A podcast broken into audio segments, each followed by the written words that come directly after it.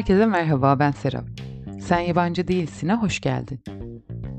Beyaz yaka sıkışıklığından sıyrılmaya çalışırken yaşadığım halleri bu podcast'te seninle paylaşıyor olacağım. Yolculuğuma eşlik eden Yes Man filminden aldığım ilhamla her şey evet derken ya da en azından demeye çalışırken yaşadığım aydınlanmalar ya da tökezlemeleri anlatacağım. Bu hafta konuğum Feminist Sözlük'ten Cansu Saçak. Eğer sosyal medya hesaplarımdan beni takip ediyorsan zaten bunu biliyorsundur. Kendisiyle dünyadaki güncel feminist hareketler üzerine konuşacağız. Ayrıca iki hafta önce kendisi tekrar bana konuk olmuştu. Eğer feminizmin ABC'sini öğrenmek istiyorsan o bölüme de bakmanı öneririm. Tekrar hoş geldin Cansu. Bugün bize ilham olabilecek dünyadaki feminist hareketlerden bahsedebilir misin? Tabii ki. Hoş buldum Serap. Ben de beni davet ettiğin için çok mutluyum. Teşekkür ederim. Belki en çok dikkat çekenlerden biri işte Me Too hareketiydi.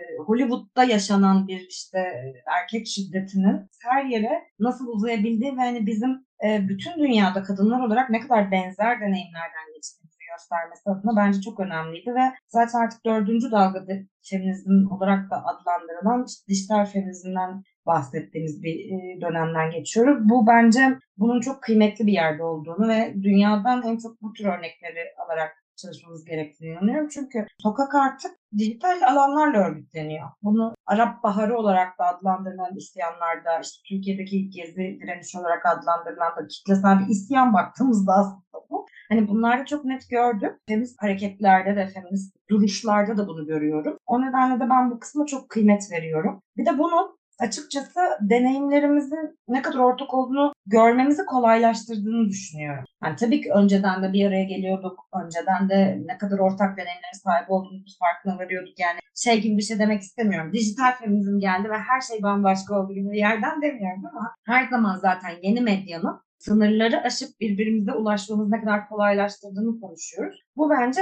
kadınlar ve e, LGBT plus bireyler için de bu şekilde. Dünyanın öteki yakasında da bir LGBT plus bireyin neler yaşadığını buradan bakıp görebilmek, buradan sesini ona duyurabilmek bence çok kıymetli. Örneğin biz İran'daki kadınlarla destek ve dayanışma eylemleri gerçekleştirdik. Türkiye'de feminist kadınlar olarak. Yani İran'daki kadınların mücadelesi de bence çok ilham verici. Çünkü orada da yani şeriat kanunlarının geçerli olduğu bir ülkede baş kaldırıyorsun. Gideyim 2-3 yıl hapis yatayım değil, idamla yargılanıyorsun. Bu korkunç bir şey. Veya işte bir sokakta bir e, dans videosu çektim diye ergen yaşında da kız çocuklarına ne tür şiddetler uygulandı. Ama yılmıyorlar, pes etmiyorlar. Yani burada da benim aklıma mesela şey geliyor. İki şey geliyor aklıma. Biri genelde niceliksel birikimler niteliksel dönüşümleri niteliği değiştirir. Bunun bence en güzel ve komik örneği de şeydir. Kırmızı ışıkta beklerken niceliksel olarak belli bir birikime sahip oldukları genelde yol keserler Türkiye'de. Yeşili beklemezler. Ama onu böyle hissedersin. Evet yeterli sayı ulaşsak hadi hep tadı atalım gibi. Veya şey metaforu yine Marx'ın köstebek metaforu vardır. Ee, der ki işte köstebek alttan kazar kazar kazar ve sen hani önüne bakarken bunu görmezsin. Ama geriye dönüp bir baktığında köstebeğin orayı oya oya nasıl bu süreci hazırladığını görürsün. Bence biraz toplum bu şekilde değişen mekanizma, bir organizma. Ee, dolayısıyla da bütün bu tekil örneklerin hepsinin çok kıymetli olduğuna inanıyorum. Yine dünyada belki işte en çok dikkatimizi çeken ve büyük bir başarı olarak görebileceğimiz Güney Amerika'ya biraz bakmak gerekiyor. Ee, Arjantin'deki kadınların 2020 yılında aldıkları kürtaj hakkı. 2020 yılında kürtaj hakkı almak yani bu zaten e, başlı başına bir dram. Ondan birkaç yıl önce de Birleşik Arap Emirlikleri'ndeki kadınların da ehliyet alıp araba kullanabilme hakkı elde etmeleri. E, 21. yüzyılda bunları konuşuyor olmamız zaten bir büyük bir dram ama liberal anlamdaki haklarımızı elde etmeye çalışıyoruz ama ediyoruz. Genel olarak bu tür güncel gelişmelerden bahsedebilirim. Hani benim bilgim dışında olan da illaki bir şeyler vardır. Belki birileri bizi daha besler o konularda. Hoş şu an Türkiye'de de kürtaj hakkı var olduğu söylenemez. Yani yasalar önünde var gibi görünse de pek olduğu söylenemez demek daha doğru olur sanırım. Çünkü mutlaka sen de biliyorsundur. Yasal kürtaj süresinde devlete ait bir hastaneye gittiğinde doktorların buna çok yanaşmadığını deneyimleyen pek çok arkadaşım oldu. Bu yüzden de özel hastaneler ya da kliniklere gitmek zorunda kaldılar. Doğum hakkı ve kürtajdan bağımsız olarak bu sürecin kadına bırakılmamış olması kendi bedeninde yaşadığı deneyimi devlet kontrolünde yaşıyor olması yeterince dramatik. O yüzden dünyanın başka ülkelerinde buna dair mücadele veren kadınların haklarını elde etmiş olmaları da çok kıymetli. Peki o zaman şunu soracağım. Son günlerde feminist sözlükte paylaşımlarının dikkat çekici olduğunu düşünüyorum. Gündemden de uzak değilsin. Peki feminist sözlük fikri nasıl ortaya çıktı ve biz feminist sözlükte neler bulacağız? Tabii çok isterim çünkü beni çok heyecanlandıran bir proje oldu açıkçası bu.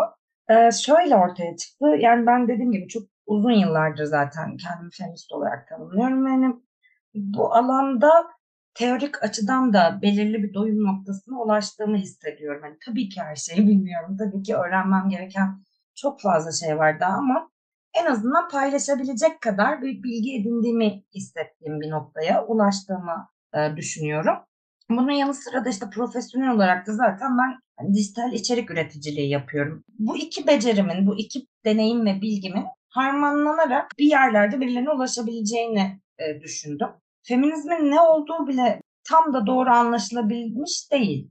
İşte erkek düşmanlığı mı, bu feministler ne istiyor, bunlar işte lezbiyen mi, kim bunlar ya gibi bir şey var. Ama bunun da bir yerden hem normal olduğunu düşünüyorum. Çünkü biz kendi aramızda kaldığımız sürece hani sen ben e, bizim kız olma halinden çıkamadığımız sürece e, veya akademik kaldığımız sürece de e, bu yaygın bir bilgi haline gelmeyecek. Ben o nedenle feminist sözlükte çok böyle temelden, en baştan, feminizm nedirden başlayarak tanımları ortaya koymak istedim. Aslında birçok zaten bu alana ilgi duyan kişi için, bu konuda bilgili, bilinçli kişiler için bayan mı kadın mı tartışması çok basit gelebilir ama hani bunun karşılık bulmadığı binlerce insan var yani Anadolu'da, Türkiye'de. Yani dolayısıyla da ta bu noktadan başlayarak bir şeyler yapmayı hedefledim. Karıştırılan kavramlara dair açıklamalar giriyorum. Bu yola çıkmamın bir temel nedeni de aslında şu. Yani en nihayetinde feminizm bir sosyal bilimi de içeriyor ve bir sürü kavramı var. E, mizojini diyoruz, heteronormativite diyoruz, işte non-binary diyoruz. Nedir bunlar yani? Artık çok kafa karıştırıcı bir hale geldi. Özellikle LGBT plus bireylerin kışkan cinsiyet tanımlamaları, işte trans kimlikler falan söz konusu olduğunda gündemi ve e, güncel terimleri yakalamak zor olabiliyor. Hareketin içindeki insanlar için bile zor olabiliyor bir noktada. Dedim ki neden böyle bir şey yapmayayım? Acaba var mı diye önce bir araştırdım. Yapılmış bir şey mi? Hani birileri acaba feminist terimleri sözlükleştirdi mi? Hani karşıma böyle bir örnek çıkmadı. Dolayısıyla bunun bir ihtiyaç olduğunu düşünerek harekete geçtim diyebilirim.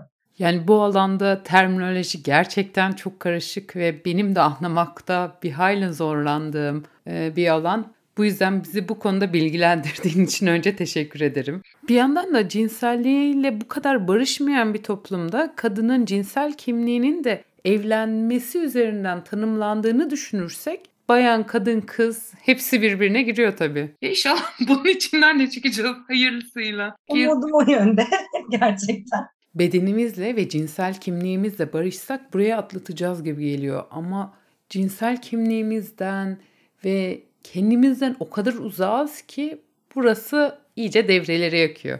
Kesinlikle çok güzel bir noktaya değindin aslında. Yani bir yandan yok sayılan bir kadın cinselliği varken bir yandan da kadın kelimesi bile cinsellik üzerinden evet. Yani kendi içinde çok çelişkili bir nokta. Çok güzel söyledi. Ee, ama zaten dediğin gibi evet bu cinsel yani bir de cinsellik de ne yani? Vajinal penetrasyon mu burada bahsettiğimiz cinsellik yoksa ne yani hani bundan bir çıkarak zaten kadının bir cinsiyet olduğunu yani benim beyanım kadın bu kadar. Bunu kabullenebildiğimiz noktada birçok şey zaten kendiliğinden otomatik olarak düzelecektir bence de. Aile, kadın olmak, cinsel kimliğimiz üzerine bu kadar çok düşünmeyen iktidarlar tarafından yönetilirsek sanırım bu kadın, bayan, kız denkleminden daha kolay çıkacağız. Bu aslında erkekler için de geçerli. Bugün daha bunu düşündüm. Bu işte şey var ya cinsiyet belirleme partileri kesinlikle çok gereksiz ve kötü buldum. Ee, onun malzemelerini satan bir parti evinin önünden geçtim. Ee, camına şey koymuşlar işte kız mı erkek mi? Şimdi baktığımda o da bir oğlan çocuğu aslında ve ona da oğlan çocuğu olma hakkını vermiyoruz. Erkek olmak zorundasın yani. Hani kız mı oğlan mı değil ya da kadın mı erkek mi değil. Kız mı erkek mi? Hani bir yandan sen kız çocuğu olabiliyorsun. Cinsel bir pratik yaşadıysan işte vajinal penetrasyona girdiysen kadına dönüşüyorsun. Bir yandan da sen doğdun erkeksin. Yani oğlan çocuğu olma hakkın yok gibi her tarafı olumsuz etkileyen bir şey. Zaten aslında hani feminizm herkes içindir dememizin en temel noktası da bu. Yani patriarkal düzen, erkek egemenlik, ataerkillik adına her ne diyorsak diyelim, bütün bireyler için zararlı. Bütün kendini ne olarak tanımlarsa tanımlasın bütün cinsiyetteki bireyler için zararlı. Çünkü onlar da kendi içinde işte erkek adam ağlamaz, erkek adam pembe giymez, erkek adam çok konuşmaz, bula bula bula bir sürü hani e, dayatmaya maruz kalıyorlar veya işte hegemonik erkeklik kuramı diye bir çalışma var. Burada mesela hegemonik olarak tanımlanan en üstteki idealize edilmiş erkekliğe ulaşamamak hepsi için bir savaş hali aslında öyle bir erkeklik perform etmelisin ki, öyle bir erkeklik e, yaşamalısın ki işte o en üstteki en ideal erkekliğe ulaş yoksa sen de eziliyorsun bir noktada. Kesinlikle katılıyorum. Bedenin ihtiyaçlarını görmemek ve cinsel kimliğini tanımamayı her iki cins için de söylemiştim. Bu kadar iktidar ve beden gücü, kendi ihtiyaçlarını görmezsen sonuç her iki taraf için de hüsran oluyor. Aralık ayında tantra koçu Fatih Keçelioğlu'nu ağırlamıştım. O kendisine tantrik danışmanlık için gelen kişilerin öncelikli ihtiyacının cinsel doyum tatmin değil, uzun süre ereksiyonda kalmak olduğundan bahsetmişti.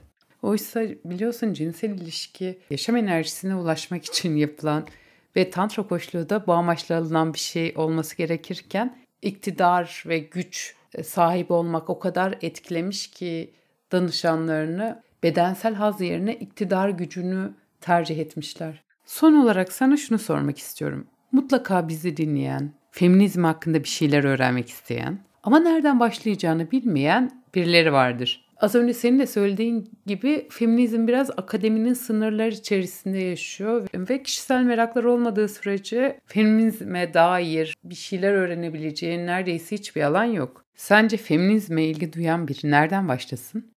Aslında burada, hani, kişisel zevkler birazcık ön plana çıkıyor. Yani, hani, okumayı seven bireyler için çok fazla aslında feminist tarih ve teori ve pratiği anlatan çok fazla kitap var. Yani, benim, kendi başucu kitabım diyebileceğim mesela, Josephine Donovan'ın, Feminist Teori kitabı. Böyle mor bir kitap.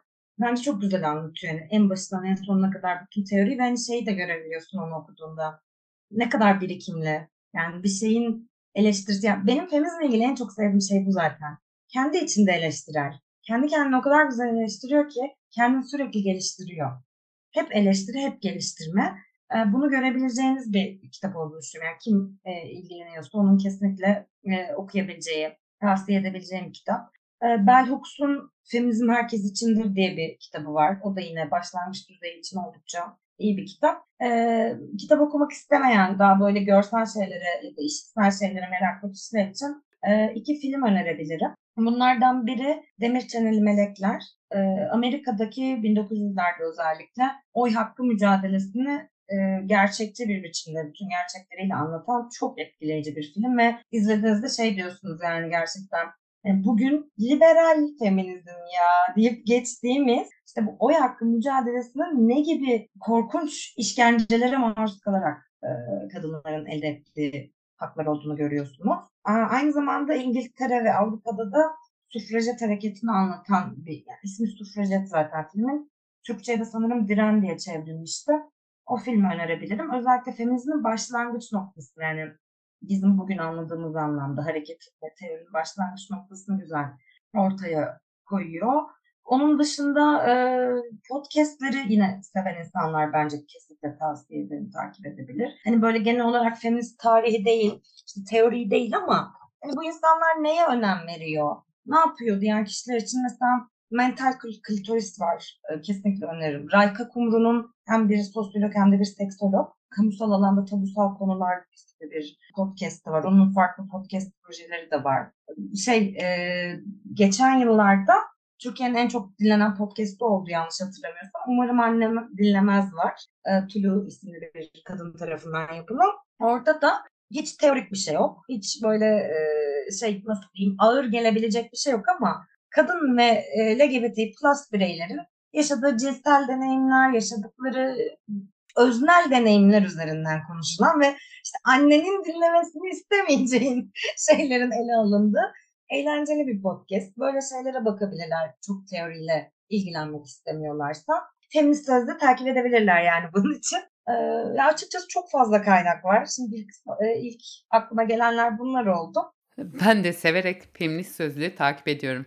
Çok teşekkür ederim. Bu beni çok mutlu ediyor gerçekten. Tekrar vakit ayırdığın için ve bana konuk olduğun için teşekkür ederim. Ben çok teşekkür ederim. Burada bulunmak, bunları konuşabilmek, paylaşabilmek çok kıymetli ve güzel benim için. Davet ettiğin için de çok teşekkür ederim ayrıca. Sayende feminizme dair çok şey öğrenme şansım oldu. Lütfen yine gel. Feminizm ve kadın haklarına dair senden öğreneceğimiz çok şey var bence. Tabii ki çok isterim. Ee, yine bir araya gelip yine benzer bir sohbet, belki daha derinlemesine farklı bir alana bakabileceğimiz bir şeyler. Yani ben mutlaka buna zaman ayırırım. Senden bu sözü aldığımıza göre önümüzdeki günlerde yeni sürpriz bölümlerle tekrar feminist sözlükte buluşabiliriz. Şimdilik hoşça kal. Bir sonraki bölümde görüşmek üzere.